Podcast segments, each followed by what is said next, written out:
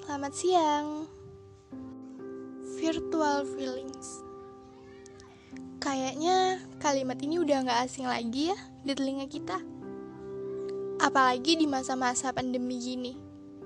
Pasti ada aja persoalan tentang virtual feelings ini.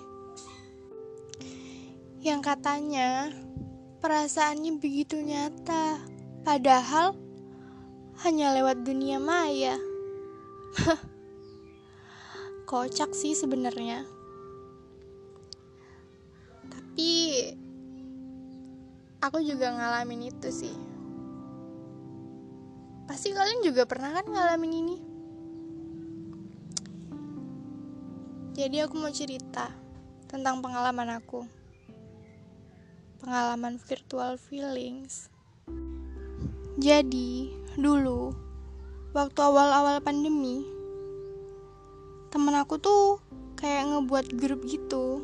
Terus aku juga diikutin serta di situ. Singkat cerita, ada satu cowok yang ngebuat aku tuh tertarik. Awalnya di grup itu cuma bercanda gitu, tapi nggak taunya jadi berkelanjutan kayaknya hampir setiap hari selalu diisi sama dia pagi, siang, sore, malam, sampai pagi lagi ada aja pembahasan yang gak ada habisnya sampai saat itu kita ngebahas suatu yang serius aku sama dia bertukar cerita tentang masa lalunya gitu. Terus dia nanya tiba-tiba, apa dia bisa masuk? Di pikiranku tuh kayak yang, dih, nih anak kocak banget sih. Baru kenal, udah mau masuk-masuk aja. Terus aku bilang deh spontan ke dia, yakin mau masuk. Tapi di sini udah berantakan, banyak yang hilang. Terus dia jawab tuh, nggak apa-apa, nanti aku susun lagi yang berantakannya, dan akan ku cari yang hilang. Lebih terdengar seperti modus nggak sih menurut kalian?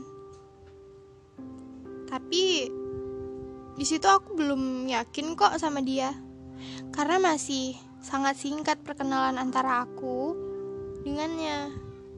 Jadi aku coba bilang ke dia, ya udah Coba aja kalau bisa. Aku persilahkan dia masuk tanpa berpikir panjang. Soalnya aku males. Kalau uh, nanti itu nanti itu aku ulur dengan pertanyaan yang ngeraguin dia bakalan jadi panjang taruh urusannya. Jadi ya aku langsung bilang gitu aja ke dia, to the point.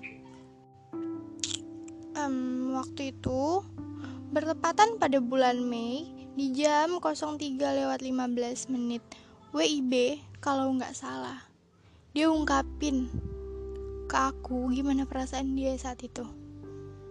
Ya sebenarnya sih aku yang nyuruh dia jujur. Awalnya dia tuh ngirim voice note gitu ke aku. Isinya panjang banget. Tapi banyak bercandanya sama sedikit serius.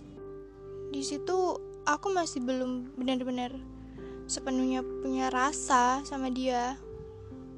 Tapi dia selalu bilang, dia bakal berusaha terus buat aku ngerasain apa yang dia rasa. Gitu katanya. Sekarang, tepat satu tahun semenjak awal yang tak pernah usai itu dan semenjak ungkap dalam dekap itu menyeruku. Aku akui, aku gagal gagal untuk mengendalikan rasa nyataku yang padahal aku tahu semuanya cuma semu. Semua cuma bohong. Kalau dibilang sedih, eh sedih banget lah.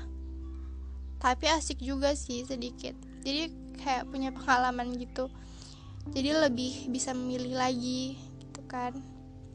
Sedihnya itu karena aku tuh udah percaya gitu aja sama orang yang belum tentu senyata itu perasaannya sama aku yang juga belum tentu akhirnya bakal dia yang sama aku sedih juga udah ngeletakin harap yang nggak tahu kapan pastinya.